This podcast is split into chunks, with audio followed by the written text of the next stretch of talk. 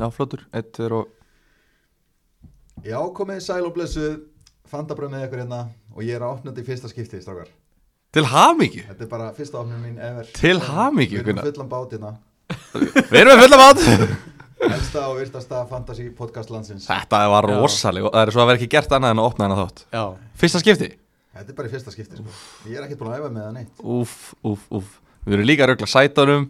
GT er komin á takkana. Þetta er, þetta verður einhver allt öðruvísi þáttur. Þetta verður eitthvað skrítið, sko. Aron, blessaður. Já, sælir, e, verður þetta ekki bara heill þáttur á litið tilbaka eða? um, Ég er fann að halda að þetta verður svona eins og í setni fyrir um að frends þau nefndi ekki að búið til nýtt efni og kliftu bara saman svona gamla klippur. Það, Sko, við erum að fara að líta tilbaka. Já. Það er bara svoleiðis. Ég held að það er ekki annað hægt sko. Við erum búin að vera núna án þess talandi um virtasta og elsta hérna, po- fantasy podcastið Þetta er náttúrulega elsta og virtasta út af leitum tilbaka var það sem að komast á kortið. Einmitt. og við hefum ekki gert þetta núna lengi, lengi, lengi. Svo þú komst með þetta í síðasta þettingunni Já. og þetta kveikti bara eitthvað svona bál innra með mér. Bara ég verða, ég verða að fá lítið tilbaka. Þannig ég ákvað að gefa gefa öll mín bestu ráð í þættinum. Og það eru nokkri punktar þarna sem að við munum mögulega að rifja upp Það er við, ýmislegt sem að ég er hægt að við, líta tilbaka núna. við náttúrulega rættum þá hugmynd líka bara alveg að sko sleppa að mæta þetta núna og setja bara gamla þáttinn í lofti aftur sko. Já, þetta, ég elska samt svona þegar þetta gerist ja. þú veist þetta svona það, það, það gerist allt sem að maður nefndi eiginlega. Já, í svona, sem, sem að hefur ekki verið þetta var, þetta var rosalega drönn í byrjun í fyrra já, já, þá var þetta, þetta fóð bara vekja aðtikli hvað þetta var eitthvað akkurat já út fyrir landstinnuna bara. Já, og hérna en svo, Guardian bara ringi í því já, vafki.no þeir sendu mér línu bara Vordan gordu dett? Ég eitthvað að þetta svara eftir bestu getu.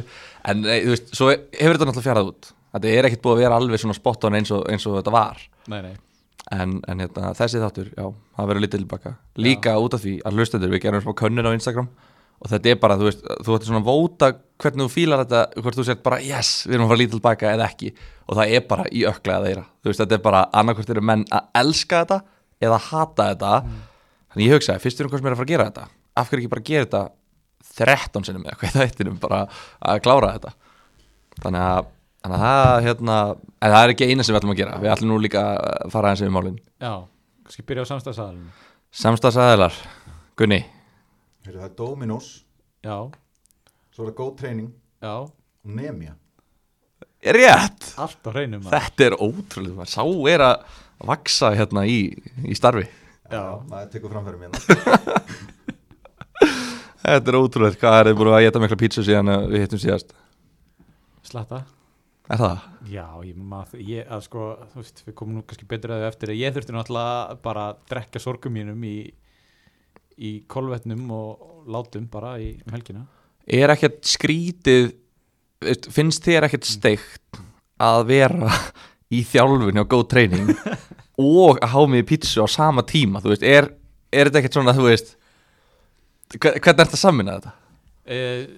Yfirleitt er ég sko meir, meir í þjálfun, Já, minni pítsu, já, en það var und, gerð undatekninga tilvik um helgina vegna óhagstæðar úslita. Ertu að vinna með svona 5-2 kerfið? Ertu 5 daga virkardagi þjálfun og bara pítsu um helgar eða ertu Mm, já, na, meira svona 6-1 myndi ég segja sko. 6-1? Já. Já, Go, Go Training lítur nú að leifa einn svinda í viku sko. Leifa eina pizzu í viku algjörlega sko maður kannski stýrir, ég stýrir nú matræðinu svona mest megni sjálfur sko, þetta er bara að treysta á svona skinnsemi það er ágætt að hérna að það er gengur í þjálfunin ekki fantasínu En þetta er uh, talandi um gómsæta pítsur, gómsæta umferð sem var að klárast og uh, ekki bara uh, hjóli í þetta.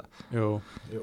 en sko ég ætla eða samt, ég veit við erum með ákveðna reglur hérna svona, ég ætla eða að fara fram og að fá að byrja samt Hvað, hvað meina við? bara af því að ég átti Nei, nei, ekki sjans, ekki að ræða það. Ég er á tökkunum, þetta er þriðja skipti í röð. Hvað er langt síðan að Aron fekk að byrja? Það eru margi mánuði síðan. Uh, Verður engin undatekning gefin í dag? eða? Ég trúi þess ekki, þetta koma, nei, nei, engin miskun, ok, bara þú voru að vinna, ve- veist, viti, viti? Eh, Gunni, nú ert þú yfirleitt sá sem byrjar Veistu hvað ég er gladur að mæti settið þegar maður er búin að vinna sér inn að byrja Já, ég skilði mig vel sko Ef þú myndir, þú lítur, þú lítur á þetta sem svona ráspólu í formúlunni. Ég geri það. Já, út af því að ef þú myndir taka þessu umferð sem þú fegst og þú fengir að spila hana alla aftur og fá stíðin þín aftur. Þú ert samt ekki undan mér. Nei, bara Há rétt hjá þér. Þú veist, ég, ég, mér ah, Nei, nei, ok. Nei, Gilvi, Já, ég byrja, Já. ég byrja. Ég er á tökkunum. Ég mjúta þig hérna. Breytum yngu Ít á einn. Uh, Sko 82 stig í þessari umferð. Vá. Mm Og meðaltali 48 Príliði lifandi. Top 200k Vel gert, mjög vel gert. Ég er bara í skíunum Og hérna Seldi Kurt Zuma og keifti Rúdiger Þökk sé frábæri pikki frá, frá hérna þérkunni. Ég er bara þakkaði kærlega fyrir það. Það hafa opnað þessa já, velt þessum steini í haustum á mér. Og undir þessum steini fann ég 60 í Rúdiger sem er bara ánægulegt uh, Ruben Díaz og, og hérna Bamford náttúrulega deliveraði heldur betur. Ég var búin að hóta því að vera með bandi á Díaz en, en ákvað á síðustu stundu að færa það yfir á Sala vinn minn. Og ég leti ykkur nú vita því á chatinu ég glemt að tilkynna þjóðinni að ég hef breytt skiptum skoðin en hérna en uh, eftir á hekja fannst mér að bara augljóst pikk, ég veit ekki, það kom allt í, allt í henni fór ég bara svona pæli, ég bara svona, nei, vá, þú veist, þetta er sala á móti vest, hann var bara, þú veist, þetta er bara að fara að gerast. Þannig að hann fikk 30 stig, Martínez 10 stig í markinu, geggjaður, Martínez. Uh, þannig að já, 82 stig. Og ég er komin bara, sko, ég var setið inn á Instagramið, ég er bara búin að fara upp um einhverja uh, miljón sæti bara á fimm umferðum. Allt eftir að ég fór að vinna muniði um daginn þegar ég kom í þáttinu og sagði ég var að byrja að vinna með nýja taktík? Nei. Hvað var það eru svona 7-8 umfyrir síðan ég kom hérna bara lítill í mig og var ekki búin að hækka nógu mikið eða síðan, lengur síðan. Og ég var bara, heru, ég kom í nýja taktík. Og hérna og það er bara, ég er búin að skoða minni tölfræði skoða minni svona stats og ég er bara núna bara að hugsa bara, þú veist, þú veist hvað er að fara að gerast? Hvað, þetta er eins og- þetta, skilju mér er alls saman, Sala er búin að blanka fimmum fyrir en það er að fara að gerast, Sala er að fara að skora. Og fer bara eftir gött feeling þá. Já, í rauninni, það er bara komið rosalega, eða, já, það er bara, ég, já, ég er bara komin aftur í gött feeling, sama og, og, og virkaði fyrir tveimur árum og þetta virkar ágætlega núna, þannig að hérna, ég er mjög sáttur.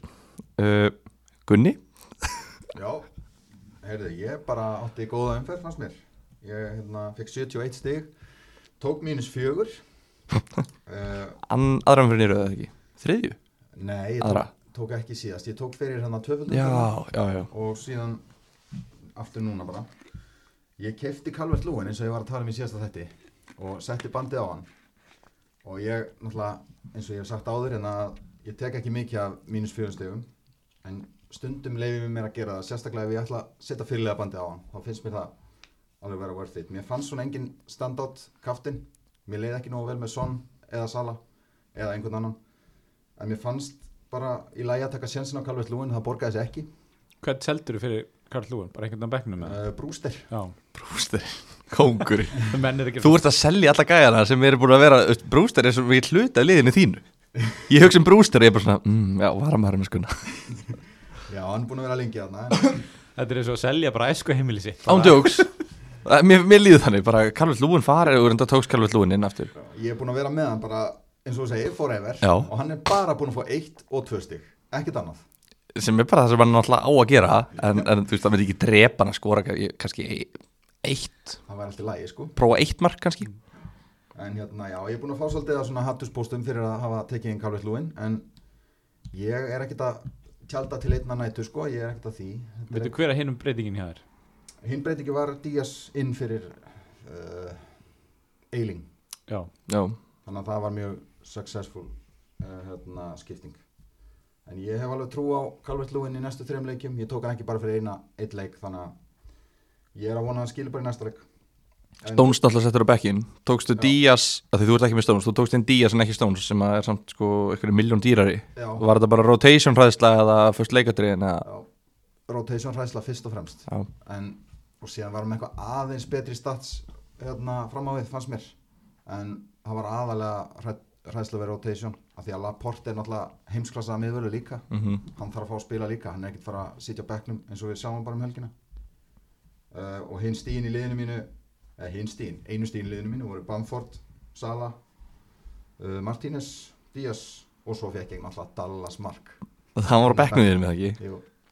fekk Hann inn, inn á. inn fyrir Cancelo. Dallasinn maður. Heyrðu, Hýrikum maður. hann á, æ, ég geti kannski tekið á eftir aðeins betur en hann er farin að minna mig svolítið á annan varnamann sem að spila minni fyrra. Mm, Í nýliðum sem kom ávart ódýr varnamann sem spilar á miðunni og skora mörg Skemmtilegt, skemmtilegt. Hann minnir á einn Lundstram síðan í fyrra. Herðu, ég er bara búin í bili, Aron. Já, Sko, lætið þú ljósið þitt skína. Já ég veit eða ekki hvað ég á að byrja sko. Það gerist sko, það þarf vel að vera svona inngangur. Það gerist svona öðru hverju í þessu, þessum leik að það raðast öll heimuntunglin á mótumanni og það gengur það hverði eina umferð það sem ekkert gengur upp. Og ég átti eina svo leys núna.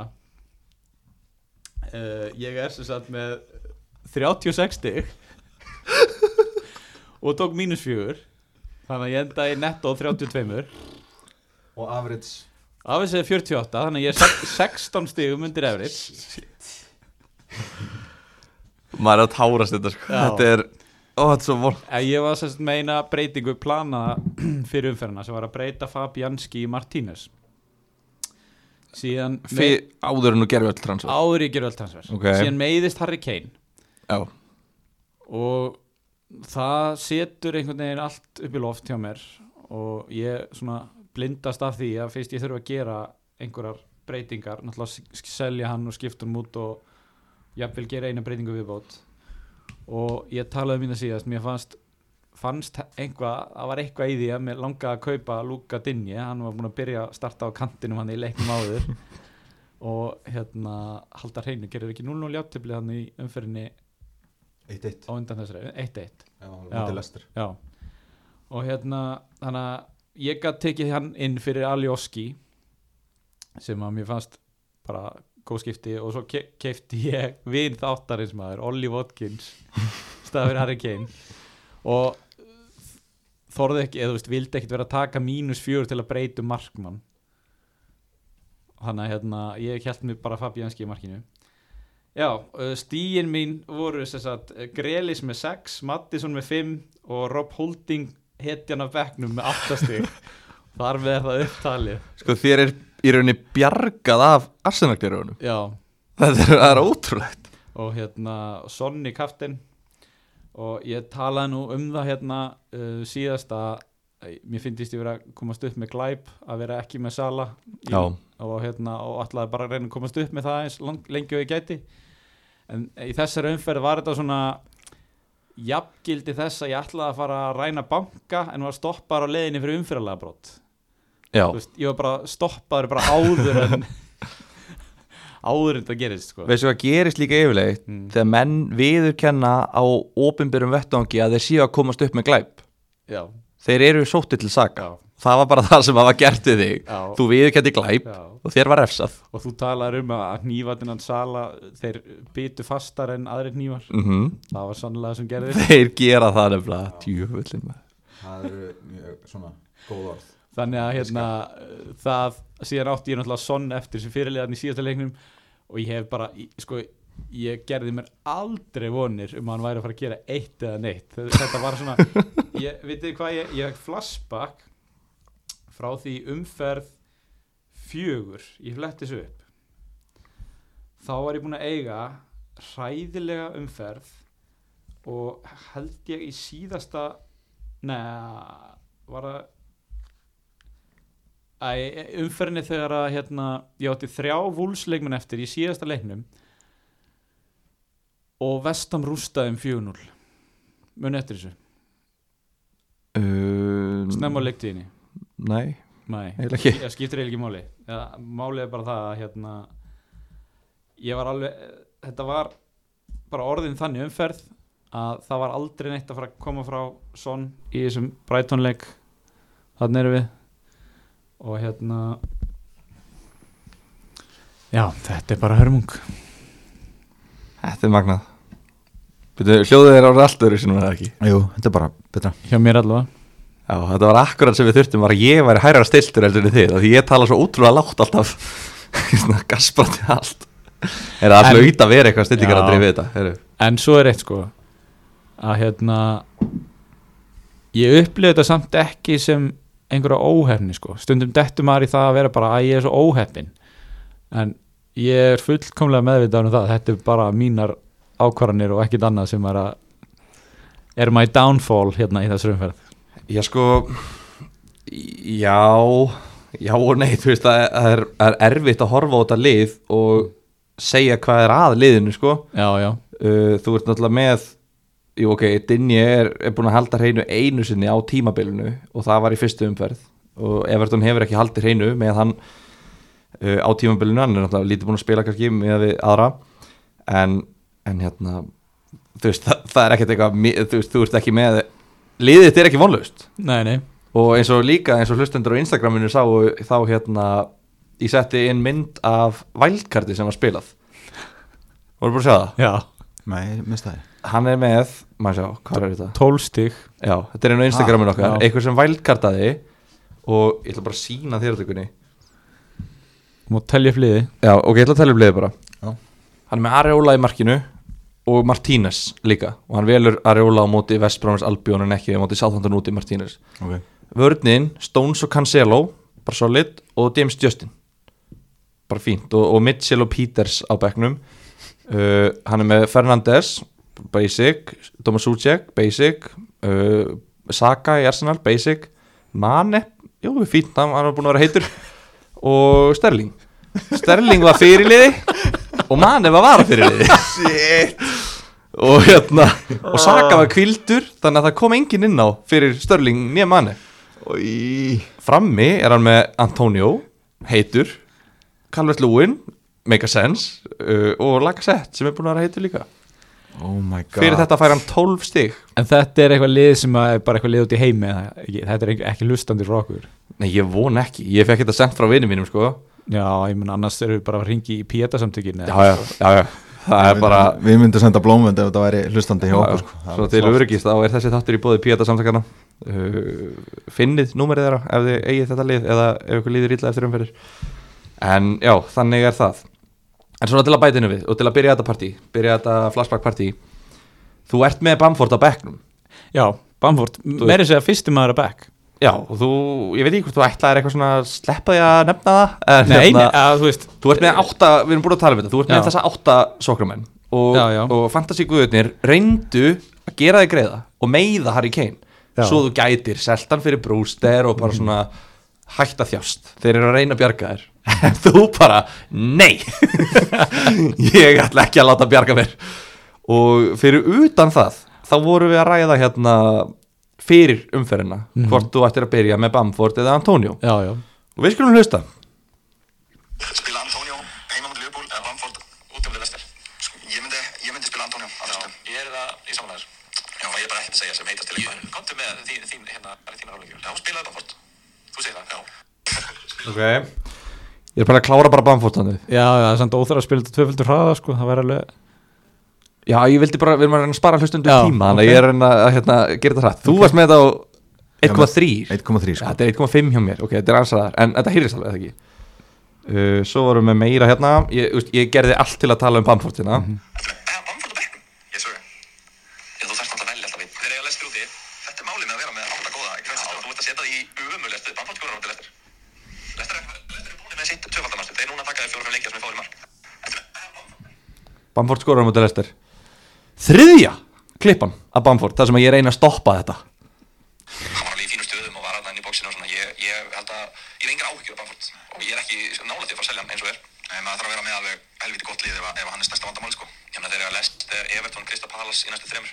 Já, Everton og Krista Palace get ekki aldrei innu og við vorum að tala um Lester í síðustu þetta ég var búin að segja þetta, James Justin. Hann ég held að tvisar og gaman, gaman svona voni hann var alltaf að fara að fá sér marka mútið Everton. Hann er alltaf að fara að fá sér marka mútið Leeds. Hann var alveg í fínu stöðum og var aðna inn í bóksinu Hvað getur maður sagt? Ég er svo vonsvikinn. Já, já, Gílu, þú horfir á mig núna með svip sem sagði ég er ekki reyður, ég er bara vonsvík Já, já. Ég er ekki reyður, ég er bara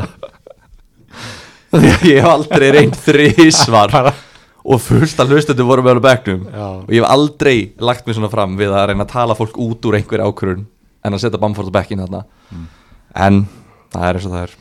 En hann var haldrandi þarna eftir leik já, og er mertur 75% núna. Já, ég sá reyndar eitthvað viðtal við hann hann eftir leikin þá var hann hlæjandi og segja að þetta var allt, allt í góðu þannig að maður, ég býst við hann spili næsta. Já, hann reyndar tók það fram hann væri með sjálfan sig í fantasiliðinu sínu. Já, en, en hann var í brjálaður að því hann tók sig úr kaftin sagði það? Já, jöfis meistari. Heyri, talandi, um, um það, voruð þið búin að hérna, heyra með Liverpool og Robertson og Mane? Já, Nei, að hérna uh, Robertson seldi Mane fyrir umfyrirna úr fantasiliðinu sínu. Innherja upplýsingar. Já, já, út af því hann vissi það. Og Twitter var búið að komast að því að Mane myndi ekki spila leikinn á laugadegi í hádeginu þegar Liverpool var að spila á sunnudegi í setjumpartin þannig að þú veist, Vestham í rauninni vissi að Mane væri ekki með út af því að Robertson, hann hefur gert það einu sinni áður það var á móti Brighton held ég þegar Mane var kvildur þannig að hérna Robertson er að leka upplýsingum í gegnum fantasiliðið sitt. Veitu, hvernig vissu þeir hvað breytingu við Róbersson gerði í fantasy?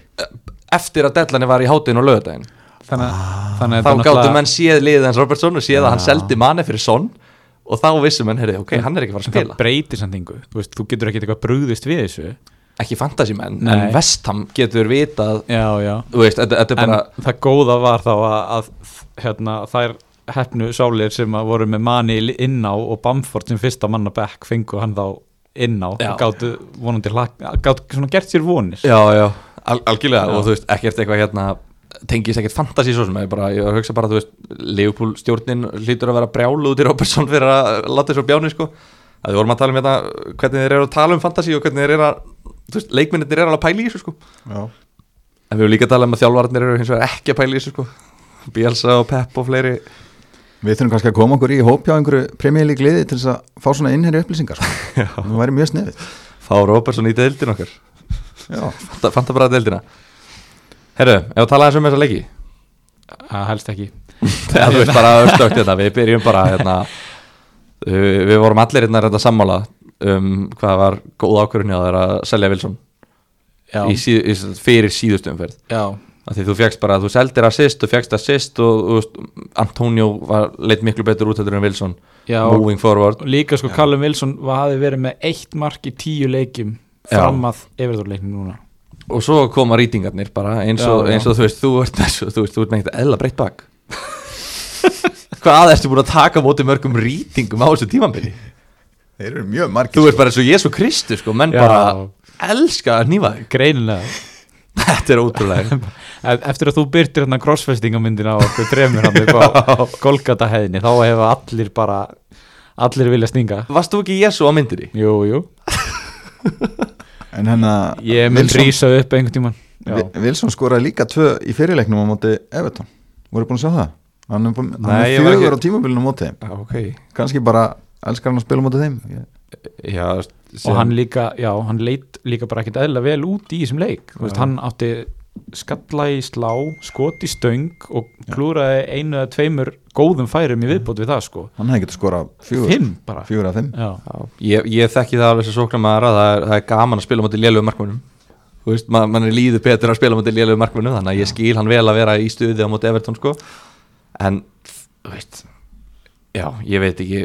Ég, sk- ég persónulega skil, ég á vinn sem að var að pæli að vælkarta og taka pickford í markið ég á einnig ég átta mikið á því hvað menn sjá í vördinni á Everton. Bara næði ekki. Þú sér náttúrulega ekki clean sheet potential ef þú tekur dinni þú sérð attacking potential. Já, bara svo steikt að vera að velja það eins og bara, nú verður hvað, 21 leikur búin að, að deildinni? Já 20, ci- cirka 20 leikir. 21 umferð cirka 20 leikir. Liðin er að halda hreinu svona 8 til 10 sinnum. Mm -hmm. Aston Villa sé búið að halda hreinu 10 sinnum á tímabilinu, Leeds og Liverpool svona 7-8 sinnum Arsenal öruglega 6-7 sinnum, þú veist, þau eru að halda svona í þriða hverja leik á hreinu Mhm. stóðsendingar þú ert að fá kannski stóðsendingu í 5. hverja leik eða 7. hverja leik það Ég- kannski 5-6 yfir tímbilið Já, ég skil ekki ennþá af hverju menn er að horfa svona mikið í sóknar potensialið, Þú veist, ég næði ekki alveg og ég, ég er í alveg ég er bara, ég, ég er bara þú breyt, þú uh, útskýrðu þið ég meina sko ef þú ert með tvo varnamenn í sama liðinu þá fá þið báðir clean sheet ef þeir haldar hreinu. En ef annar með miklu betri attacking potential þá tekur hann alltaf. Eða þú veist. Já, en þú, en þú hlýtur að byggja grunninn á varnamannavalinu á clean sheet. Já, Sérstak, allavega núna eftir að það búið að þú veist, í byrjun þá var þetta veist, þetta voru bara svona 6,8 mörk í leik að meðaltali og þetta var bara eitthvað algjört kjaftaði þetta, þetta er búið að jafnast út. Já, ég er alveg sammálaður maður, maður ætti að horfa fyrsta lagi á sagt, X goals conceded tölfræðina finnst mér. Já, það er það sem við horfum fyrst á.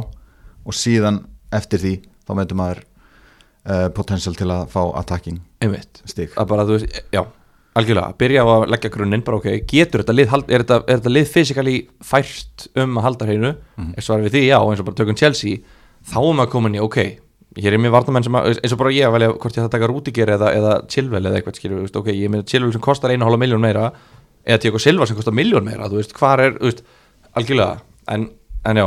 En síðan þeir sem eru með Dallas til dæmis það er mjög ólíklegt að hann haldi hreinu. Þeir þeir eru með eina lélugustu varnatölfræðin í deildinni. Hann, hann, hann spilar núna á miðjunni bara framalega á miðjunni, alltaf hlaupin í bóksið alltaf líklegur að skora eða gefa stóðsendingu þú veist, ég er bara með hann út af því sko. Ég er ekki með hann út af að ég held að hann haldi hreinu. En þeir eru samt í enn eitt skiptið. Þeir Já. eru að halda hreinu. Já. Ég veit þeir eru með lélega varnantölfræði Ég veit það, ég veit þeir fá þessi flest skoti inn og bla bla bla. Ég veit að þeir, þú veist, þeir voru að reyna að fá þessi markamöti Newcastle og eitthvað svona sem að fá lið gera. En þeir eru að halda hreinu alveg jafn oft og liðin í kringum það uh, Liðin í kringum, bara öll liðin í deildinni. Já, já, en já, ég er samt ekki með hann út af því að ég held að þeir fái clean sheet. Nei, alls ekki, en þú veist, hann er samt með hennar grunn sem að Everton er ekki með að mínum mati. Þú veist, Þeir eru að halda hreinu, kannski, ég veit ekki hvað er búin að halda hreinu Fjóru svona tímulinu þeir eru búin að fá sér miklu færi mörg en lýts Já, Ég- en það, það snýst ekki um það. Þetta snýst um að annarkvært heldur hreinu eða ekki. Finnst mér sko. Já, þú fær líka mínustu að fá þeir fullt af mörgum Ég held samt að við erum að setja set, set tempo í þetta. Já, ok, Everton Newcastle Ok, Kristapalas Wolves, ekki bara sleppa Jú, Það eh, það er alveg gaman að vera með hann En þú veist, okkur finnst ekki valjú í honum. Nei. Pallas reynda með geggja prógram í næstu já. sjöleikjum Þeir eru reyndar með það. Ok, þannig að við erum ekki að fara að kaupa neitt nema mögulega Saha. Já, Erum við að fara að kaupa hann? Eða ætlum við að taka fyrsta leikin og sjá hvort hann þú veist, gerir eitthvað, hann skoraði náttúrulega í síðasta leikið ekki? Eða það, þú veist, ekki núna þar síðasta? Já. Æ, Þú veist, maður er samt ekkert í þeirri stöðu eða eitthvað Ég meina það bara svo mikið að miðmunum ég er ekki að fara að kaupa hann Ef að Saha væri sóknumæður þá væri ég bara kannski alveg líklegur bara til að taka hann sko. Já, en eh, ekki fyrir þetta hann er miðumæður sko. Nei. Ég er sem er eiginlega skrítið að því að þú veist, hann er með þetta að vera skráðu sem miðumæður að spila frammi. Og með þetta hann er með, og, og, tekur viti inn og er bara, þú veist en svo erum við náttúrulega með eins og í síðasta þætti þá er náttúrulega bara, við- hvað var hann ekki með ekki með tvöfalt minna XG heldur en Newcastle jú, jú. Þú veist, þeir eru alveg rosalega þú veist, og það er bara eitt mark og það, það er bara nóg. Já, Þú veist, já. það er bara, ok, lókum bara. Og Wolves líka bara game over þú veist, verðist vera. Já, já, Wolves er, er neðst af fantasílið það er neðst í deildinni í Já. þú veist, það, það, það er hvergistig kemur engin fantasy stjóri nála því núna? Nei. Herru, City Sheffield uh, það voru headlines þar pep rotation. Já, vá maður, þreytt Já, það var auðvitað bara hver einasti fantasy stjóri sem að lendi því að vera með mann sem spila ekki þar. Já, það bara hlýtur að vera. Ég, veist, ég veit ekki alveg hvað er að en, en þegar ég sá þetta þá var ég bara svona ég, ég, ég fekk einhvern svona skítaglott á mig. Ég fór að hugsa sko að aðrir myndi einhvern veginn tapa meir en ég á þessu sem var náttúrulega enga veginn keisið sko. Já, betur, þú ert með. Ég er með Stones og Cancelo. En, en ég vissi samt alveg að þú veist ég, að bekkurinn, ég var með svo breiðan hóp að ég vissi að ég fengi menn inn um bekknum. Já, holding, áttastig inn á já, bekk. Kúfal með eitt en það skila nú ekki miklu. Ok, en þetta var náttúrulega hræðilegt að missa þetta double clean sheet sko. Að þetta var örugasta clean sheet ársins. Já, Já, þetta var það. Einmitt. Og hérna, og Cancelo þú veist, óvænt og, og allt það en við, hann, er, hann er samt eins og staðin er núna allavega hann er fyrst í bakgrunn á blað hjá City, er það ekki? Jú, ég, mér finnst það. Ég hef bara, ég hef smá áhyggjur á Stones. Ég fekk svona oh, shit, ég var bara svona brotnaði pínu niður að, að- Stones fekk ekki að spila út af því að City er búið að halda hreinu með Stones í, þeir hafa, held ég einu sinni haldi hreinu ánans í deildinni eða aldrei jafnvel. Ég held að það kannski fengi bara öll hrein, hreinu lögin sín með Stones í byrjunleginu hvar er Laporte og Díaz búin að spila oft saman? í deildinni ég er ekki viss með að það sé oft. Nei og þú veist, og þjálfarar eru ekki alltaf að hugsa þannig eitthvað, já, heyrðu, Stones hann er búin að vera rosa góður, ég ætla að gefa honum tæki veist, þetta er kannski smá svona þriðjaflokks hugsun skilji, þú veist, þessi er búin að vera drullu góður ég ætla bara, hann fæ bara að hamra játna á meðan það er heitt og bara, þú veist, þanga til að þú spilar þið út úr aðliðinu, þá ert þú bara minna aðliðskæði en ég held að þetta sé ekki alveg svona mikið í elituboltanum sama með þjálfara við, þú veist, að menn voru hérna, menn eru reknir eftir kannski að hafa náð stíi eða sigri að þú veist, það er verið að hugsa lengra en það. Ég held að Guardiola sé kannski bara að hugsa lengra en þetta bara ok, við erum í góður stöðu og allt þetta en þú veist, ef við ætlum að vinna meistartildina Stones er ekki að vera að vinna meistartildina fyrir mig. Skiljið hvað ég meina? Já. að ég ætla bara að láta Díaz og Laporte spila út af því að ég ætla að láta bestu leikmennina mín að spila og Laporte er betri en Stones. Þannig að þetta, ég ætla bara ég ætla að spila Laporte í, gegn, í gang og hérna og veðja þá frekar. Já, bara ég held að Stones sé ennþá nummer eitt en, en ég sé alveg, heyr alveg það að segja sko, ég er bara ég, ef ég væri með Stones þá er ég alveg í svipum pælingum sko, pínur hættur ég, ég er ekkert svakalega hrættur ég held að þetta snýst um það svolítið að Ruben Díaz er lang, klárlega langt besti miðvörurinn hana. Og svo snýst þetta bara um sko, hver virkar best með honum. Og það hann datt inn á það að það væri John Stones. Og ég held að þetta hafi bara verið rotation að því hann sá fram á að vinna tiltölu þægilegan sigur. Og hérna eh, bara eins og með Van Dijk þú veist, Liverpool fann það bara að sá sem virkaði best með Van Dijk var Joe Gomez. Já, kannski er það meira því að hann var svona stundum svo eini sem var heill til að spila með honum. En þið veitir hvað ég meina að hérna þó að Matip kæmi síðan aftur og yrði heill og þá var erfitt fyrir hann að vinna sér sæti í liðinu. Algjörlega. Að einfallega af því að sá sem virkaði best með best, lang besta miðverinum var Joe Gomez. Já, og ég held að svipu staða sé komin upp með John Stones. Já, Er- sjáum Er John Stones réttfættur eða örfættur, menni það? rétt yfir Já, hennar Guardiola hefur hann ekki alltaf verið að vilja spila með einn örfættan og einn réttfættan. Jú, og Laporte er örfættur, þannig að já, kannski þess vegna vill hann vera með Díaz og Laporte sko. Það er samt bara svo ógeðislega steikt ef að það er að spila hátt ef það er að spila stóra rullu. Hvað fætið þið vist þægilega að sparka með sko, út af því að Þessi gæi pælir í öllu sko.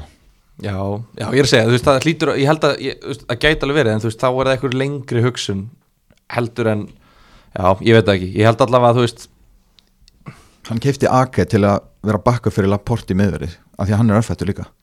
Já, samt spila hann stóns Já, já, ég veit, bara punktur, eitt punktur í umræðina og það er hægt að tala um þetta endalaust en, en hérna, ég held ég gefi Stones ég held ég, ég, ég býð og sjá í næsta leik en ég er samt smá, ég væri alveg til í að selja Stones bara fyrir Cancelo.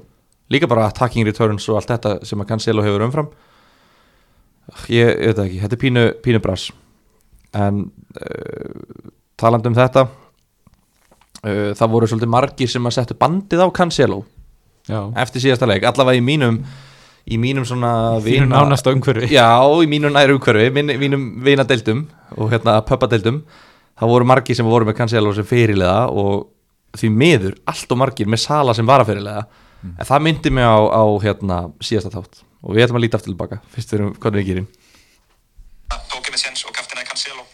Fæk 34 stík fyrir hann. Ég ætla ekki að rósa fyrir þetta. Ekki, nei, þú ætlar ekki að velja svona hefðum. Nei, ég ætla ekki að gera það það að og lendir í, á, á dínu ég ætla ekki að rósa fyrir að hoppa ég sko, ef þú lendir í kongastól og bara er bara maðurinn brýtur það allar hryggjarliðin. Í kongastól Hvað segirðu, Gunni? Á, á ég að skammast mér eitthvað fyrir það? Nei, ég er bara að segja skilur Sko, ef hann, hef, ef hann hefði spilað hann leik þá hefði hann verið frábært pikk ef hann hefði gert það. Ef hann hefði spilað og þess vegna erum við með væskaftin. Ef hann hefði, bla bla. Ég meina, til hvers heldur þú sérst að velja væskaftin það er til þess að hann kom inn þegar kaftin spilar ekki. Nei, ég er bara að segja, er þetta ekki bara venn að hoppa af harkisirkju? jú, bara taka sjensin skilur það virkaði í síðustu umferð, virkaði ekki núna og eins og þú segir, flesti voru með þá sala sem backup. Ekki það þessu. Ég, ég, held, ég held við sem að lesa svo mikið í þetta þú veist. Þetta sýnur okkur bara að þú veist það er, jú, það er ekkert sniðugt að kaftina Cancelo en ég við held, held við þurfum ekkert að afskrifa það sem eitthvað outrageously heimskulegt sko. Eins og, eins og þú sagði sjálfur í síðasta þætti þú varst að pæli að hafa Díaz og þá vorum við að tala um að bara það minnsta sem hann hefði mögulega geta fengið voru 60 Byrju, eins og ég sagði síðast að þetta Ertu að meina Hlustum bara á Ég það. Er með bandið á Ruben Díaz eins og er. Rögg, nýju stig. Akkur nýju, akkur ekki sex. Bónus, já ok. Það þarf að gefa það þá ertu líka eiginlega að gefa þér að þið skori ekki meira en ég vil segja 1, 2, já, það er 2-0 Ok, ég sagði þetta 2-0 Lélegt, sorry. Tekur það mig. Já, þetta er bara, þú bætir þetta næst. Já, En já, bara einmitt, hann var alltaf að fara að fá 6 stig og Maxi var eiginlega 9 þannig að ef þú vildi bara vera safe og bara við þá fengir stig á kaftin ekki það að vera með City varnamann móti Sheffield heimaðli en málið er að þarna stend ég Ég, ég, ég var þarna Í þessum orðum, þessum tölu orðum hjá mér Þá stóð ég upp á Hallífsirkju Og ég horfi niður og ég sé kongastólinn sem þú ert að tala um. Og ég er bara Heru, Já, gaurinn á undan mér, hann hoppaði og hann lendi þarna. Ég ætla að hoppa þarna niður. Svo horfi ég þess lengra Og ég sé bara Malbygg Allstaðar Þannig veistu hvað ég gerði? Ég sneri við, tók liftuna niður Ítt á sala Og fór örgur heim. 30 stig. Fyrstu sæti í kongastólum Fekk mér sæti í kongastofnum Nei, ég bara, veist, ég, ég, þetta myndi mér bara á það. Ég var að hugsa, þú veist, ekki, er, verður maður ekki bara alltaf að spila fyrirlefandi sitt safe? veist, Það er bara, vorst þetta í loki bara, veist, margir Jú, sérfrækka jú. segja bara Ég reyna að vera eins leiðinlegur með Já. fyrirlefandi mitt á hægtir Já, já. Þannig gera þið bestu það sko. Það bara þannig. Og þú þekki það sem sá besti. Kannski bara síðasti punktunum um þennan leik að hérna, ég talaði minna síðast að ég ætlaði að setja með vinnureglu að kaftin ekki sóknum hann á móti Sheffield United Já, á heimaðli það og, var hrigalega vel gert. Og, hérna, og tók því fyrirlega bandið af Gundogan með þeim rögum og hérna það Já, það gekk svo sem ekkert betur með hinn en allavega þetta var svona eitthvað sem að þetta, Þú varst á, þú varst á réttur um slóðu Já, það, þetta var svona þetta eina sem að ég huggaði mig við um helgina. Þú veist að Gundi fekk þrjú sko. Son fekk tvö. Gunni, ég reyna ég reyna að halda ekki helsinni Sorry man Nei, já, en skiljið hvað ég minna já, Já, algjörlega. Uh, Vestbrunars Albjörn Fúlham Ég nenni bara ekki að Nei, segja neitt um hann. afskrifum hann. En Pereira er reyndar lúmskur. Það er eina sem ég langar að segja bara, við langar bara að koma inn í, inn í, hérna, inn í þáttinn. Mhm. Pereira, skoðiði formið hjá Pereira? Já, vítaskitta algjör stjarnar í þessu liði. Já, gerir allt fyrir gegnum hann. Uh, það er fín differential. Mér finnst þetta líka Ivan Cavallero í fúlam ekkert mér finnst það alveg, þú veist einhver hugmynd sko já. spila frammi, skráðu miðumæður í fantasy. Já, það er alltaf kostur. Er búin að koma með nokkuð mörg hvað er hann komið á tímbilinu og tekur vítin líka? Komið þrjú mörg hvað kostar hann? uh, hann kostar 5,3 Já. en, en þú veist það er bara svo margi miðum Já. á þessu verbili við þurfum ekki að pæla í þessu. En mér, mér finnst samt sko, just, mér finnst ekki að við séum að nefna einhverja, við séum ekki alltaf að tala um sömu eins og Já, bara já. í síðasta þetti þú veist, við erum ekki með öll verðin og öll stígin og alla byrjun, ég, ég get ekki sagt til byrjunarliði hjá Fúlham í síðasta leik. Nei, nei. Þú veist, ég, maður sér bara hérna ú þess, veistu, þegar að hérna þegar að, nei, ég veit, ég veit ekki, ég er ekki með neitt dæmi, en þú veist, maður sér eitthvað leik, eitthvað leik og það er eitthvað leikmann sem að skora eitthvað, ú, þessi góður, svo kannski dettur hún að byrjunarlegin og það fer alveg fram hjá mér, ég held ennþá að hann sé bara góður út að, Póter sem móti City, við munum hann var geggjaður á móti City, Mm vissuð að hann er ennþá að spila fyrir Wolves, hann kom bara tilbaka í síðasta leika eftir miðsli já, en þú veist, hann er ekki búin að gera, nei, hann er búin að vera að sk- skila, hérna, ásótt fyrstum núna reglulega síðustu, síðustu 10-15 leiki eða eitthvað já, já. hann er ekki búin að gera raskat allavega en hann var ógislega góður á einhverjum einu leikum á City og ég var bara, ég kifta hann og svo bara nei, ok, bless þannig hérna, eins og þú með rútikir bara að nefna það, skilju við Mm. rættum ekki rútikir en það er til þess að ég allavega á hvað að taka hann já. Hann, hann er basically eini sem ég kæmi nálægt í Chelsea núna já, ekki fara bara í Chelsea Jú, jú. Chelsea Burnley, hann og, og Mendy þeir tveir eru einu sem að maður veit svona er, er að fara að spila og Rúdíkar er með, þú veist, hann er ódýr og hann er hérna með svona hættu inn í teig sko, getur, getur alltaf náði í skallamark. Já, en bara restin af liðinu þetta er bara svona minefield sko. Hvað er minefield á íslensku? Ég er að sprengjusvæði Jarsprengjusæði akkurat. Að hérna, maður veit ekkert hver er að fara að spila og eins og við sjáum bara Marcos Alonso allt í einu mættur Silvel Bekkjaður, þú veist hvað er í gangi bara, ok eh, þetta er síðasta ég er að reyna að, klá, að keiri þetta bara í Já. gang þessi lítun tilbaka og það er alveg að leiða að vera þetta hangandi í símanum alltaf að, að hafa þetta klárt sko. Við þurfum nú að spila þetta Við verðum að spila þetta Já. Þetta er the lítum tilbaka í þessum þætti og þetta er það síðasta Líka bara ímyndið ykkur ef Emerson er bara rosalega flottur á æfingu núna eða Marcos Alonso koma bara og nýr þjálfari kemur bara inn og bara heyrðu, Alonso, blessaður vinur, þú ert minn maður sem er búin að vera fantasi vél Lampa, það var bara Lampa sem að kelda hann var bara að spila eitthvað í fyrra og þú veist og allt þetta Lampa bara þoldi ekki gæðan líka bara ímyndið ykkur í þessum fjarlæga heimi ef Alonso myndi fá að spila. Mm. Fantasí vélin Jesus maður. Er hægt að skálda þetta? Nei, eiginlega ekki sko En já. Vá, vá hvað verið fúllegi ætti tilvel Brjálaður. Út af því að sjálfsög skoraði Alonso og sjálfsög var hann þvílíkur hluti af sóknarleiknum og sjálfsög fekk hann annað dauða færi hann bara því miður kann ekki skalla bolta. Og geggja mark sem hann skoraði. Mark sem tilvel hefði ekki skorað. Nei, þetta er fantasy vél. Já. hann er ógeðslega góður sóknarlega. Mér er alveg sama hvað hann er hérna að gera utan vallar að trúðast eitthvað og hérna og hundlélugu varnamæður en vákar er góður sóknarlega. Kostar hann hvað, 5 5,6 5,6 ég, ég er ekki að fara að koma nála tónum strax sko. 5,6 hann, hann er aldrei að fara að spila meir en annarkvæmt leik sko. Ha? Þeir eru með tilvel hann er að fara að spila minnst kosta annarkvæmt leik. Nei, af hverju segir það eftir þennan leik? Já, ég meina þeir þurfa líka að vera með varnamann einhvern tímann, ekki bara gaur sem hann getur skorað og lagt upp. Þess vegna spilar með þrjá hafsenda til þess að leifa bakverunniðinum að vera lélegi varnamenn Hudson og Dói er ekki góður hafsend, nei, er ekki góður varnamenn heldur sko. Nei, Rhys James er ekkert að fara að byrja næsta leik það þýr ekki alltaf að vera með ömulega varnamenn í vingbæk sko. Nei, ég er ekki að segja það en ég er samt að segja að Hudson og Dói er búin að vera mjög góður í hæri vangbækurunum Meinar Oddsson Hói Oddsson Hói Oddsson Hói er hérna því miður er búin að lána Loftus Check úr, úr liðinu. En Oddsson Hói er hérna og þú veist, hann er að fara að spila næsta leik og næsta leik og næ, þú veist, Já, ef hann heldur þess áfram. vera, hann átti skot í stöngina hana.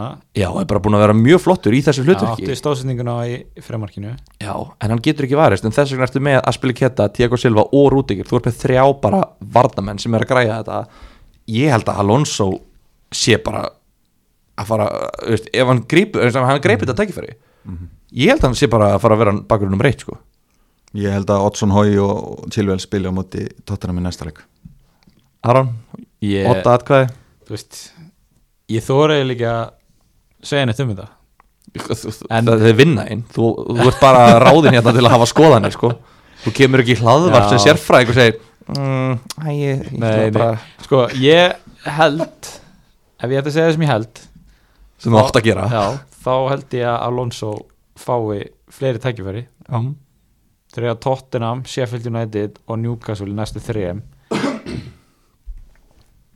og við, og það verður að segja að þetta er helviti góður sens á þrejum clean sheets Tottenham er ekki síðra að mæta heldur en Sheffield og Newcastle eins og þeir eru núna sko.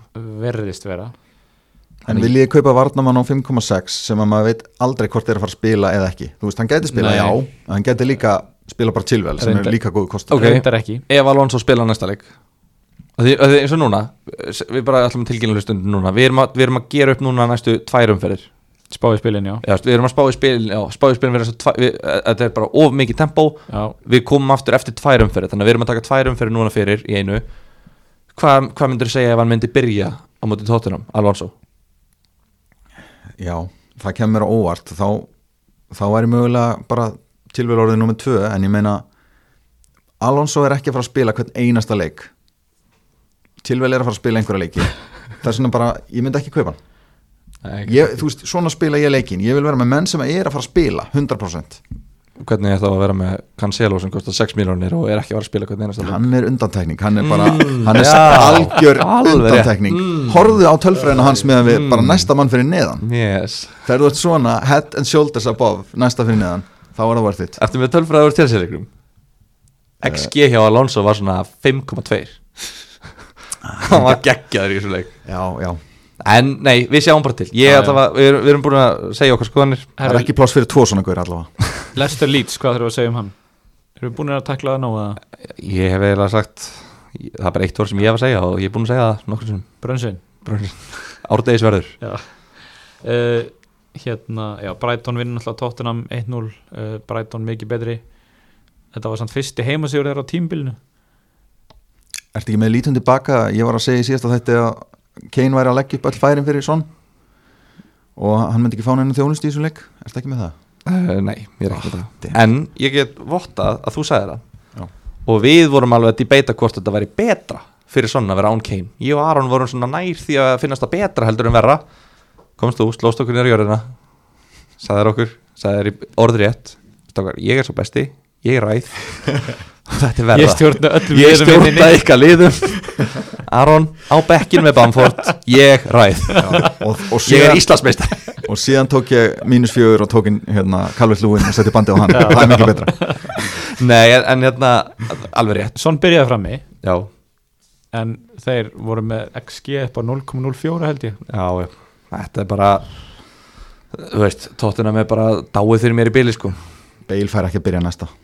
En hér er eitt stein er ekki Brighton búið að halda hreinu þrjáleiki röð uh, Gott Ó. ef ekki, þeir eru alltaf búin að fá þessi held ég eitt mark í síðustu fjórum ég held að þeir séu búin að ég held að þeir séu með markatöluna 2-0 í síðustu þrejum leikjum eitthvað svoleiðis og næsti leikur er á Anfield sem að, já og hvað Og- gerir maður þá? Nei, ég meina, ég veit ekki, ok, ég er kannski ekki að fara að kaupa eitthvað að breyta með núna, en prógrami eftir það er bara fínt og þeir, ef þeir eru búin að halda hreinu, þú veist, af hverju er Brighton að halda hreinu núna? Ætti það sé út af því að þeir voru búin að sogast í fallbaráttu þráttur að vera stjórn á öllum leikjum, þeir eru með XG, XP, XA, X, allt dæmið er miklu hærra, þeir ætti að vera ofar í deildinu, bla bla bla, þú veist, en gæti verið að þeir hafi bara sagt, herrið, ok, við þurfum bara að drullast til að ná í úrslit tryggja okkur og svo getum við fara að spila flottan fótbolta. Og döngarinn er bara að leiða vagnin, ég veit það ekki. Ekki bara loksins að del delivera á þessa tölfræði sem þeir eru með? Þeir eru búin að vera með gegja bæði XG og X goals conceded tölfræði lengi. Já, og loksins bara eitthvað að detta hjá þeim. Var Ræjan svona súrt efli mögulega já. Hann er farin núna. Hann var endar alveg lélugur sko. Hann var drullu lélugur en hann var líka hættur að spila fyrir einhverju síðan sko. Já, já. ég veit það ekki, en nei, það er ekkit í Brighton eða Tottenham sem ég veist eitthvað heillandi eins og er. Nei. Eru Arsenal og Manchester United 0-0 játtöfli höfum við eitthvað að segja um það? Cavani spilaði, Martial kom inn á Cavani á með hæsta XG af öllum sem skoruð ekki í umferðinni 1,3 eða eitthvað. Það var eitthvað dauða færi klúraði tveimur dauða færum sko. og ekki bara klúðra færinu, heldur Cavani að klúðra þessu færi. Já. ég hef alveg skilið Sala eða eitthvað svona gauðra sem elskar klúðrafærum, Störling og svona. En Cavani elskar ekki klúðrafærum. Þú veist, hann skorar yfirleitt úr sínum færum. Já, þetta var ógeðslega góður sóknarmæður sko. Þannig að hérna komir á vort já, Fernandes heldur bara að sökka með Pogba hérna á miðjunni. Það bara breytist ekki þetta var, já og hann sást lítið sem ekkert í leiknum. Eða þú veist, þetta er náttúrulega til lengri tíma verður maður að vera með Fernandes í liðinu sínu út af því að hann er bara, hann er næst stigaðasti eða þriði stigaðasti leikmaðurinn í öllum leiknum. Já, heldur hann hafi látið stíga sér til höfu sem hann kosin fantasileikmaður ársins hjá okkur. Já, í áramóta kefinu það sko kæfan fórenda víða. Já. það gæti alveg verið að menn, þú veist, menn hafa ofmettast fyrir minna en já, það já. Munum eftir Lundstram hérna? Munum eftir Lundstram við eigum bara ekkert að vera að rósa leikmönnum. Ekki Nei. svona, nei. En, þetta er það virt podcast já, að menn bara ofmettast en við munum líka hvað gerist, sorry, við munum líka hvað gerist Chris Wood þessum daginn sko, ég þurfti bara skamman off air. tough love. Já, En Bruno á Southampton, Everton, uh, West Bromwich og Newcastle í næstu fjórum. Þetta er allt lið sem hann er búin að hala verulega inn á tímbilinu gegn já, og ég held svona, ég heyrði einhverju, einhverju punta með það að þú veist, þetta er svolítið bara eins og með Sala, ég meina Sala tók sprett það sem að hann fekk lítið að stigum. Og, og hérna, nú er hann setti náttúrulega tvennu í vestamleiknum setti tvennu í byggarleiknum daginn. Og lúkar rosa, bara eins og hann sé on it aftur. Mm þannig að þessi gæjar bara til lengri tíma delivera já. Og ég mun þetta er Bráinu mittur, Keini mittur, Varti mittur hvernig ætlar að vera með eða Nei, ég, ég myndi aldrei selja hann núna. Nei. ekki á þessum tímapunkti með þessa leiki framöndan og þetta er líka bara orðið sko, ég var svolítið erfitt með þetta út af því að ég er bara með einhverjar 7 miljónir í bankanum núna og mér langar bara að halda áfram að svona offloada. Já, leikmennið sem mér langar að selja eru Calvert Lúin og Bruno Fernandes. Já, sem mér langar ekkert að selja Bamford eða Gundogan eða neina af þessum gæðum Rúdiger var að koma inn á fjó ég var að, ég var að spara með pening með að fara úr Zuma í Rúdiger og ég fær fleiri stig fyrir það. Já, eins og þú veist að segja, allir þessi premium gæðir er ekki að delivera eða þeir eru bara meittir, er ekki að spila. Hvað þá sóknamenn uh, Vardi, hérna nei, Obama er náttúrulega miðumar en hver eru fleiri, hérna, Jimenez er náttúrulega meittur, Mhm. Ings er búin að vera meittur uh, Calvert Lúin er búin að vera meittur hver eru fleiri þarna? Var, hérna, Firmino er búin að vera bekknum tvo síðustu þremuleikjum Martial er dottin út úr liðinu. Einmitt. það er engin sóknarmenn í bóði sko. ég er bara að fara að taka inn brústurinn fyrst að Gunni er búin að selja hann sko. fyrst að hann er laus á markanum Já, endilega takk þann inn. En hérna, já, Vestan Leopold einu leikur sem við hefum eftir þetta ekki? Jú, uh, uh, Leopold, ekki díu nema Sala er uh, kom, komin á blað. Já, Já, og hérna þessi, hann er alltaf góður þegar að vanta manni það er bara þannig, hann er miklu betri tölfræði þegar manni er ekki með þeir eru, maður sér það bara ef maður horfður á leikina þeir, þeir senda ekki eina sendingu á hvern annan. Þeir eru bara í aðeins og mikil í samkefni sko. Ég, nei, ég er ekki að grínast, nú hvet ég bara alla sem að horfa á Leopold uh, bara ringið í mig. Bara eða send, ok, sendið mér skilabóð á Instagram frekar, ekki ringja þegar að San, Sani, þegar að Sati og Mani sendir hann á Sala, eða Sala sendir hann á Mani sendi skilabóð, bara hei, hérna 37. mínúta, ég var að sjá sending á milli. Þú veist, ég, ég er búin að leita sendingu núna á öllu tífambölinu og það ég pekkaði þetta upp í fyrra ég hef ekki ennþá séð sendingu. Þetta er ótrúlegt hvað þeir eru astanlegir Já, eh, hérna ég var að segja á hann í upphæði þáttans þá sagði ég að ég hef ekki treyst honum fyrir bandinu. Það voru tvær ástæður. Um, það var að því að ég held að manni er með. Ef ég hef vitað að manni er ekki með þá hefði ég mögulega gert það. Og hinn ástæðan er að uh, Vestham var með næst bestu varnatölfræði í deildinni í síðustu fjórum leikjum hvað var þar expected goals conceded. Þannig ég treyst honum ekki fyrir bandinu því miður. Nei. ástæðan fyrir að ég setti bandið á hann var að ég hugsaði að Leopold er búið að eiga svo ógeðslega erfitt að mæta liðum sem að bara múra.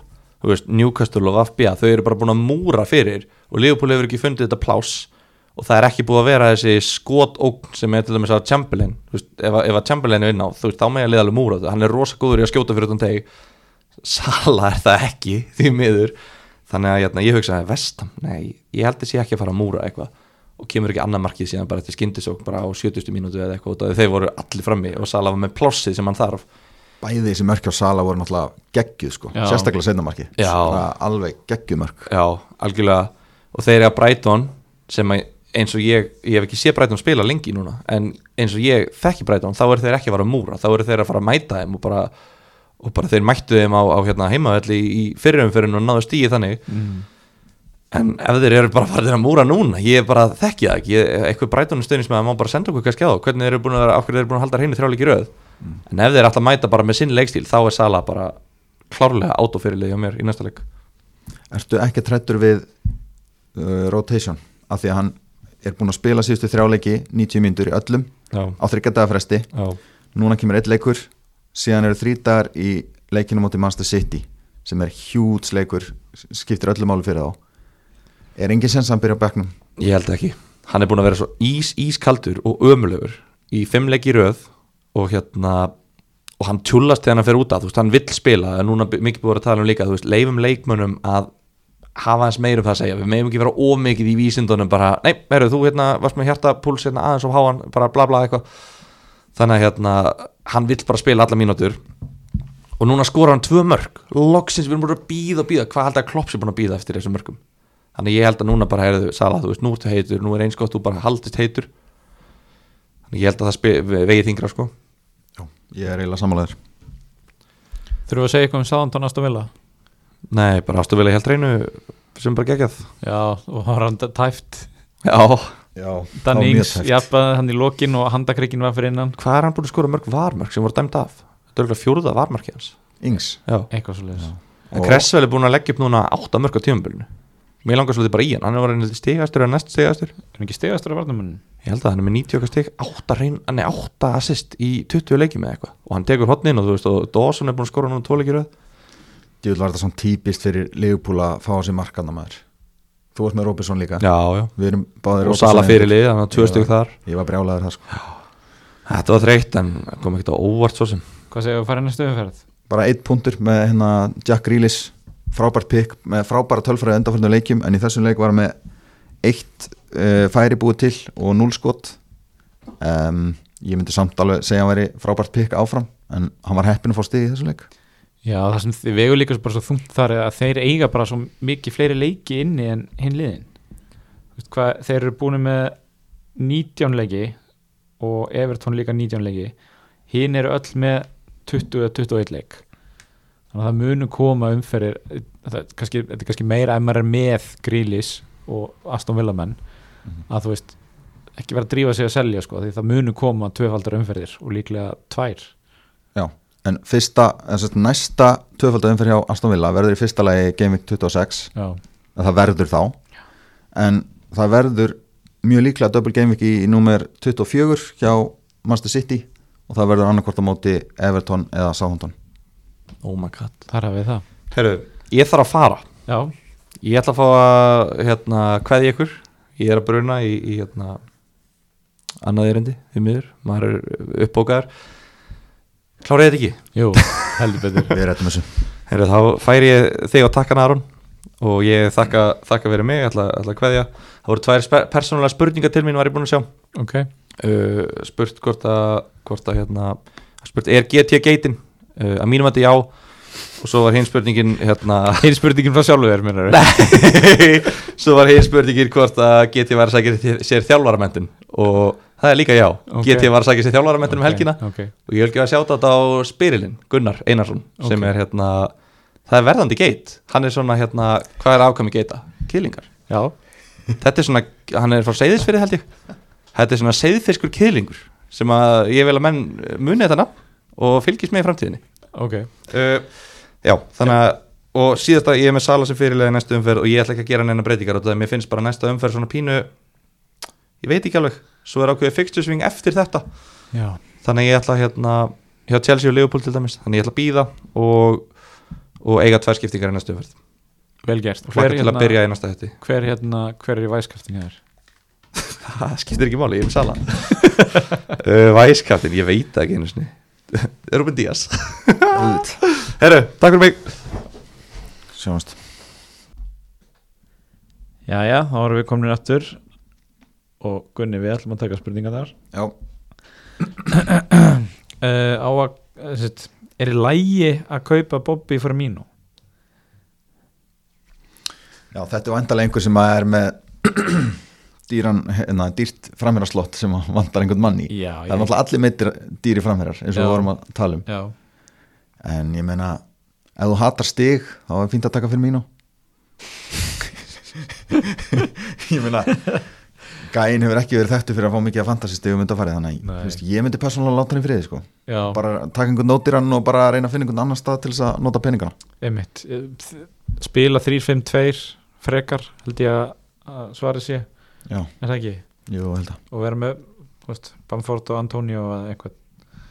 Uh, framherji uh, ég er með Bamford og Antonio talandum Já. Hvað er nú að spyrja hvern hvernig á að bæta sem við þriðja um, Olli, kannski? Já. Við vitum að hann á tvær hérna, double gamings inni. Mér lýri þess að ég get ekki, ekki sagt neitt annað sko, ég er með þessa þrjá sko, en hérna þú hafa nú ekki gengið vel um helgina fyrst að ég með Bamford á bekknum. En hérna nei, það, það er fátt um fína drætti í frammeramálum mm. uh, og ég er ekki hrifin af þessu að taka Cavani. Hvað segir um það? Ég, Já, þú veist ef það væri einhver sem að, ef maður ætti að taka einhvern sjens Já, þá væri ég reyndar alveg til í hann sko. Já, þú veist, eins og við vorum að tala um á hann þeir eru að fjóra fína leiki, Mhm. næstu leiki og Martial er gjössanlega umöluður þessa dagana. Mhm. þannig að ég held að Cavani spili mikið þessa fjóra leiki og geti skila já Laporte komin inn því er þetta Jón Steinar sér búinn. Nei, Nei, Eh, við tókum það svolítið á Já. hann hann er ekki búinn. Það er mikið verið að spyrja um Alonso ég segi bara við sem búin að tækla það. Uh, er óhægt að fjárvista í Saha? Eða er allt í ruggli hjá þessu liði? Já, ég meina, þeir eru náttúrulega ekki að raða raðin mörkunum en Nei, næstu sjöleikir hjá þeim eru mjög góðir. Þannig að þetta getur verið alveg góður svona differential eða aðgreinir. Já. Hvaða gaming er best að nota wildcard fyrir? Er, er það ekki bara 24 þá eða 25-6 Ég var nú að tala um það síðasta þætti þið voru nú ekki alveg sátti með mig. Við erum bara ruggli í þér. Já, hérna það er, sko, ef þú ert með benchboostið já, þá myndi ég nota það fyrir umferð 25 og benchboostað í 26 mm en ef þú ert búið með benchboostið þá myndi ég gera það fyrir umferð 26 og, og horfa á þessa tvöföldu umferð. Mm hvaða leikir eru þar og fylla hérna, liðið að mönnum sem eiga góða leiki þar. Já Er ekki málið að hafa Martínez sem væskaftin? Ég get nú eiginlega ekki kvitað undir það. Nei, hvað hva er ekki vestham Jú, þeir eiga held ég Vestham, Arsenal og eitthvað í næstu þrem. Þú veist, geggjaða leikmaður og fær hellinga stigum en það lítur að vera einhver annar sem er betri í væskaftin. Hann er legend. Já uh, Hvort á maður að bekka David Gea eða Martínez næstu umferð. Já, þeir eiga það á Aston Aston Villa á Vestham og Manchester United á Southampton. Já, það sko ef þú vilt ef þú vilt taka meiri sjens þá tekur náttúrulega DGA af því að hérna, þá áttu meiri sjens að skjótast upp sko. hann er meiri Já. svona agreinir Já, já, en ef þú vilt spila safe þá tekur Martínez. Það er algjörlega, algjörlega. Á maður að taka mínus fjögur til að fá Sala inn? Já æ, það fer svo mikið eftir liðinu manns maður. Já, sko það sem við getum sagt um þetta er að, að Sala verður væntalega langvinsalasti fyrir liðin um helgina. Já, uh, og verður með hann, hann gæti alveg keft við þessa tölfræði þetta met sem að Bruno sló hann daginn. Það er mikið fleiri sem eiga Bruno þannig að hérna, spurning svona með tölur hvort að ná þessar 2, eitthvað miljónir sem að meti var. Ég heldur endur að verði langt frá því sko. Já, en, en það má allavega reikna með því að hann verði mjög mikið kaftinaður þannig að ef, ef þú ert hrættur við að missa af þeim stigum þá held ég að mínus fjögur sé alltaf lægja eins og ég, ég held ég hef sagt það áðan að ef þú tekur mínus fjóra fyrir einhvern þá, er, þá þarf það helst að vera fyrirliðin Já. og þarf að taka hann inn og setja bandið á hann. Einmitt. Hvernig á að taka inn fyrir klits á 4,3 í bankanum og er nú þegar með Bruno, Rashford, Grelis og Sala.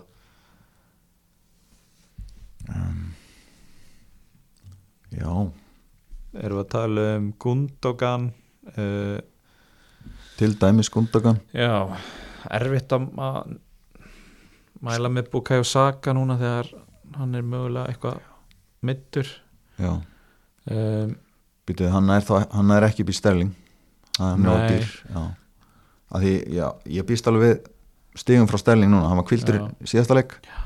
Núna eiga er útileik á móti Burnley, Harvey Barnes. Harvey Barnes já.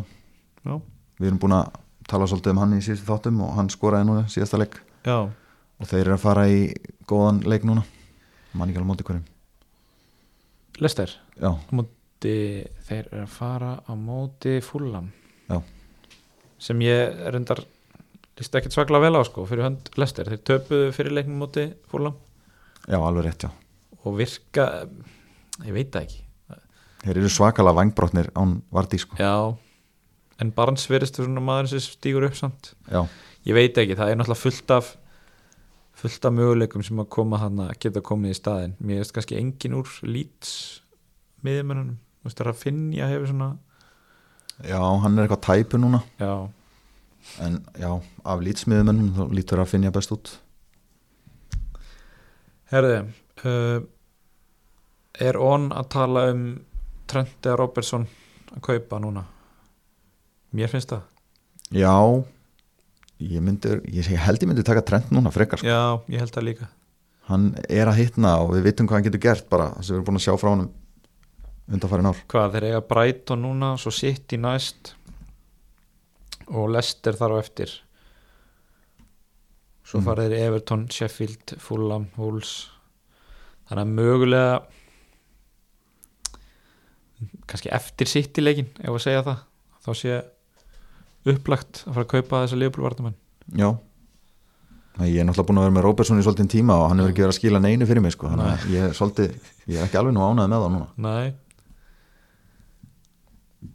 Já, ég hérna ok, en eh, hvað segirum með næstu umferð? Ef við skoðum bara svona rínum aðeins leikinni bara í næstu tveimur umferðum. Uh, það er hérna Sheffield á móti Vestbrom, Wolves Arsenal Manchester United Southampton Newcastle Crystal Palace. Sko Sheffield Vestbrom, ég held við þurfum nú ekki að tala um þar. Nei ég, ég kannski bara að nefna, ég er með Johnston og Martínez já, og það segir kannski svolítið trú mína á Vestbrám vörninni að ég ætla bara að spila Martínez. Já, þó að þeir sé að spila mútið umölu sérfylliði ég bara skil þig vel þar. Uh, Arsenal á Wolves þannig að það er spurning hvort það sé ekki bara upplögt að starta Rob, Holding. Jú, jú, það er það. Þeir eru búin að halda hreinu held í 5 af síðustu 7 og Wolves hafa virka frekar bytlausir fram á við. Já, með- nýji framherið er að William Hosei eða eitthvað spilaði já, síðasta já, leik. já, já, Sociedad gæinn Já. og hann ger, ger ekki neitt. Nei. Um, Manchester United Southampton. Sko er Bruno kaftin möguleiki í þessari umferð? Mér, sko, ef þið langar að gera eitthvað öðruvísi Já. öðruvísi heldur en Sala, þá finnst mér hann vera möguleiki, já, mm -hmm. en það er áhætta ef þú ert með Sala þá, þá er það svona safe pick sko. já, já. Og Newcastle Crystal Palace uh, já þau sem að eiga Callum Wilson þá var upplagt tækifæri til að spila honum núna. Hann virkar heitur og hérna er að spila móti Palace þannig að það er aldrei að vita. Sko, svo, svo er City Burnley. Erum við að fara að sjá City skora mikið að mörgum eða er þetta bara 1-0, 2-0 ég held að tæki- fari bara 2-0 eða eitthvað. Ég býst ekkert við einhverju það er vald yfir það, þeir eru nú ekki vanir að tapa stórstan á heimaðalli, hvað finnst þér um að bekka Gundogan? Mm, Er þetta að menna fyrir þig persónulega? sko ég er einhvern veginn búin að koma mér í þá stöðu að vilja helst spila benchboost í hverju einustu umferð sko. Já, nákvæmlega. Þetta er alveg hræðilegt. Sko, þetta er allt líka, þú veist, það er engin eitthvað 5 miljóna svona aðeins lélegri. Nei, Þeir eru allir bara góði kostir í hverju viku, sko. Þetta er mjög erfitt fyrir þig. En getur ekki bekkja neitt annan. Jú, ég er eins og staðan er núna þá er ég reyndar með Antonio bekkjaðan. Já, við erum að tala um sko Master City á móti Burnley, sko. Já, ég, Já, Antonio skorar móti Villa, sko. Það er næsta víst fyrst að, fyrst að ég setja hann á bekkin það er nokkuð ljóst. En bara sá sem setur á bekkin, hann Já, skorar. já, það er, það er bara regla. Bara sorry. Uh, já, ég veit ekki alveg hvað hva er mest spennandi, það er náttúrulega Liverpool Brighton og svo er þessi Spurs Chelsea leikur en hann einhvern veginn stinkar af 0-0 það verðast allir stórleikir fara 0-0 þessu dagana. Já, Mourinho líka. Einhver líkunar á að fara 0-0 sko. Já. og Kane lausir. Þetta er svolítið í sammálega sko. Og Chelsea átti erfitt fram á við þarna í vúlsleiknum og hérna þó skoruðu reyndar tvö mörg og, og svona kannski lí- lítu ágætlega út á múti Burnley en Burnley samanskapi voru bara ekki, ekki þettir, Nei, þetta er bara, ólíki sjálfum sér. þeir velja sér leikina til þess að vinna og, og þeir á hvað að tapa þessum leik virtist vera bara, þeir hvað áttu valla skota mark sko. Já, ertu búin að gera breytingar eða allar að gera einhverja breytingar fyrir þessum verð? Ég er eiginlega bara, eins og Gilvi hann, ég er eiginlega svolítið bara sammála því. Ég, hérna, það er engin sérstakur breyting sem ég er með í huga, ég held að ég bara spari transferið og setji bandi á sala og, og bara Já, rúlið svona sko. Algjörlega, engin svona brín vandamál sem þarf að leysa Nei, og ég er hérna svo er ég einn eftir í byggarnum í þessum þætti. Og hérna, já ég tók málum í fyrra hérna á Íslandi og núna er ég búin að missa af því, því skipi, það er farið sko. Deildamestratillin er farin. Já, en hérna ég ætla að taka þennan málum heim í ár. Ok, og bara, hérna ég fer ekki titlalösi kennum þetta tíma ánaði með hennu metna. Gunni titla óður hérna uh, Ég uh, er búin að gera einu breytingu og það þarf ekki að koma óvart að ég er búin að kaupa Mohamed Salah. Mm. uh, hver fór? James Madison Já, ok, stutt stopp. Já, sko uh, ég, ég mörguleiti kom ég sjálfur mér á óvart með því að kaupa hann af því að hann hefur aldrei verið minn maður. Hann var mikið, hérna, var vinsællinni í fyrr, í, á síðast tímbili og ég einhvern veginn tók hann aldrei inn þó að Lester gekk mjög vel hann tímbili mér hefur svona ég veit það ekki ég hef aldrei svona fílað hann sem fantasileikmann þó að mér finnst hann þetta frábær fótboltamaður. Og, og þetta snýrist bara um hvernig á ég að selja og það var Mattisson, Grelis, Bruno, Son eða Gundogan. Já, ég hefði gert það sama í þinni stöðu og sko. þetta var sá sem ég gætt séð á eftir og mér finnst líka með Mattisson hann ég var að pæla í að bandið á hann fyrir þessa umferð og hérna hætti síðan við að því að Já, fyr, já fyrir umferðina sem var að klárast fyrir síðust umferð Já, sko. já, og hérna og hætti við að því að mér líður eins og að hann veist, hann skorar aldrei meir en eitt mark Nei. og maður vill auðvitað að meðan Son ge getur skorað þrennu þó að það hefur náttúrulega komið á daginn það kom ekki í þessum leik. Já, hann, eh, Matti sem var búin að skora hann að þrjú mörg í þreim leikjum eða eitthvað en það var samt bara úr þreimur skotum. Þannig að við vorum að tala um að það væri ekki alveg sustainable. Einmitt hann hirti í stóðsendingu en hérna það var ekki meiri það. Þannig að já, ég seldi Mattisson og átti 8,5 miljónir í bankanum held ég. Mm. kefti Sala og ennþá þrjár í viðbót. Já. þannig að þá vandast ennþá valið hjá þeir á, á bekkin já, já en hérna, við sjáum bara til hvað gerist. Það er eins og sko það, svo er líku við pælingum að bekki Son. Já, ég meina hann á Chelsea. Já, og þú veist, hann fekk valla að hafa hann snerti valla boltan á móti einmitt. Já, þú veist, hann er alveg möguleik á bekkin ég sé einhvern veginn ekki mikið svona skyndisókna möguleika hjá Tottenham í þessum leik. Nei, Tuchelin er ansi klár taktist. Já, hann hlýtur að loka á ég meina Potter, hann bara galdraði vörnina saman og, og hérna, þeir áttu bara ekki breyk að skora, þeir áttu ekkit almennilegt færi í þessum leik. Og við settum nú hérna í Instagram story hjá okkur mynd af hérna Snape að segja uh, you dare use my own spells against me Potter að það væri Mourinho þegar einhver vinnur hann 1-0 og er minna með boltan já, það er þetta er mjög góð sko eins og þessir Harry Potter, Graham Potter brandarar, þeir svona fara að verða þreytir já, en, En- ég, ég verði aldrei þreyttur á þeim sko. en mér fannst þetta alveg fyndið sko. uh, það er við bá- báðum um hérna hetju og skurkasugur mm. og uh, ef að sjá hvað kom inn í því seldi Dallas fyrir Cancelo þetta er Áskir Ingi uh, og hann segir seldi Dallas fyrir Cancelo seti Cancelo í kaftin og Stones í væskaftin oh. spilaði, spilaði svo Johnston fyrir Martínez. Æj, æj, æj en þannig kemur, hérna við höfum oft talað um þetta að kaftina ekki og setja væskaftin á sama leikin ekki í sama leiknum. Ef það skildi vera eitthvað COVID-frestun eða eitthvað. Emmitt, það hefði rettað þessum, Emmitt honum áskeri. Uh, Bamford fyrstur og back og svo einu sem kemur ekki inn á bara I feel your pain veist, og það var ekki ég sem sendið þetta inn bara. For the record uh, var með Stones fyrir og keipti Martínez nei Mares og Cancelo. Kaftinaði Mares og Weiss á Jónsteinar já bara sama pössum okkur og setja ekki kaftin og Weiss kaftin í sama leik. Já, uh, trippul kaftinaði Störling í síðustu umferð. Mikið voni ég þín vegna að hafa verið með Sala í Væs uh,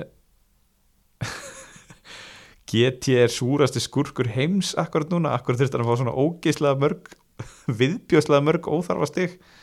Já, við spyrjum okkur alltaf því. Þetta er bara að saga GT þessa dagana. Já, Hann já, gengur- sópar inn alls konar gengur skrifnum allt stigum. upp, sko, við erum að sikkurum endanum í, í heiminn tunglunum þú gafst honum bara alla hefnina þína. Já, það verðist vera En þetta er svo sem Þetta snýrist við frá síðast tímbili. Þá var hann að mæta hérna með 19 stig og 26 stig. Nei, hann flúði til útlanda, hann mætti ekki þáttinn.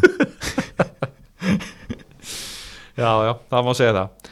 En hvað segir með umferðina um helgina síðan? Þetta eru náttúrulega leikinn hérna núna í miðri viku. Umferðin um helgina. Sko það eru leikir þar sem að uh, þarf Já, það er kannski fyrst og fremst Burnley Brighton sem að við getum vænt þess að fá lítið mörgum já, og svo er Manchester United Everton er hann kvöldleikur á laugardag uh, Tottenham Vestbrom Wolves Leicester og náttúrulega stórleikur umfyrirnar er Liverpool Manchester City. Já. Þú veist, Liverpool Manchester City er er aðaleikurinn alltaf í þessu. Mm. og maður getur þá ekki sett bandi á neitt sem er í þessum liðum. Mér finnst það ekki einmitt. Nei, það er bara þú veist, það er allavega alltaf mikil áhætt að finnst mér allavega. Já, og þú veist, og hvað er þá eftir, það er hann að United á móti Everton. Mögulega hægt að setja bandi á Bruno. Já fer svolítið eftir hvernig er lítið út í næsta leik. Já, og svo er Spurs Vestbrom sem er náttúrulega gi- langgirnilegasti leikurinn á pappír. En ef að Kane verður ekki komið tilbaka já, þá gæti þetta bara verið bara erfiðu leiku fyrir Tottenham ef, ef þeir spila svona eins og þeir gera mútið Brighton. Já ég var með sonn í kaftin á móti Vestbrom í, í, þegar spiluðu við á síðast Já. og, það klikkaði mm. Þannig að ég var nú bara að skoða þetta núna og ég er ekki frá því að ég verði með Patrick Bamford Captain, í kaftin í þessar umferð Leeds Crystal Palace Já, það er líka góðu kostur að það er á mánudagskvöldi þannig að maður, hann maður hann maður á alltaf inni Já. í kaftin sko. það er alltaf kostur ekki eins og núna þessa síðustu umferð að ég var með Calvert Lúin blank í fyrsta leik á lögadagsmotni og Helgi bara voru ónýtt sko. Já, ég veit ekki alveg hvort það er skárra sko að taka það út strax eða, eða halda einhvern veginn gera sér vonur um að eiga það inni alla helgina eins og ég gerði með sonn og síðan náttúrulega bara ferða alveg gjössanlótið þú sko. já en þú varst alltaf vongóður alla helgina Emmitt, ég lifði í voninni hann eins og Sigga Beintens Herri, erum við þá ekki tæmtir í bylið eða? Jú, ég held Við að- verðum ekki með þátt núna milli umferða, Nei. helvitis álaga á okkur. Já, þetta er búið að vera svaka törn. Já, við ætlum að taka okkur smá nokkra daga pásu. Já. Og hérna uh, þið bara, við minnum bara á grúpuna Fantasí Bræðarefið uh, þið eru duglega að posta þar inn og, og gefa hvort öðru líka góð ráð. Ekki bara frá okkur þannig, að- og við vitum að við fylgist vel með þannig að það er alltaf reynu þar inni og svo endilega follow okkur á Instagram líka Fantabröð uh, við byggjum alltaf um spurningar þar. Það er þægilegasta formati þannig að hérna endilega hendið á okkur pælingum sem þeir eru með. En annars er það bara uh, muna að stilla upp liðinu. Það er náttúrulega deadline núna á morgun þriðudag klukkan hálf fimm. Það er bara það er bara álag já, á fantasíþálfurum mikið álag. En það við fílum þetta. Til þess erum við nú í þessu þannig að heyrumst í næsta þætti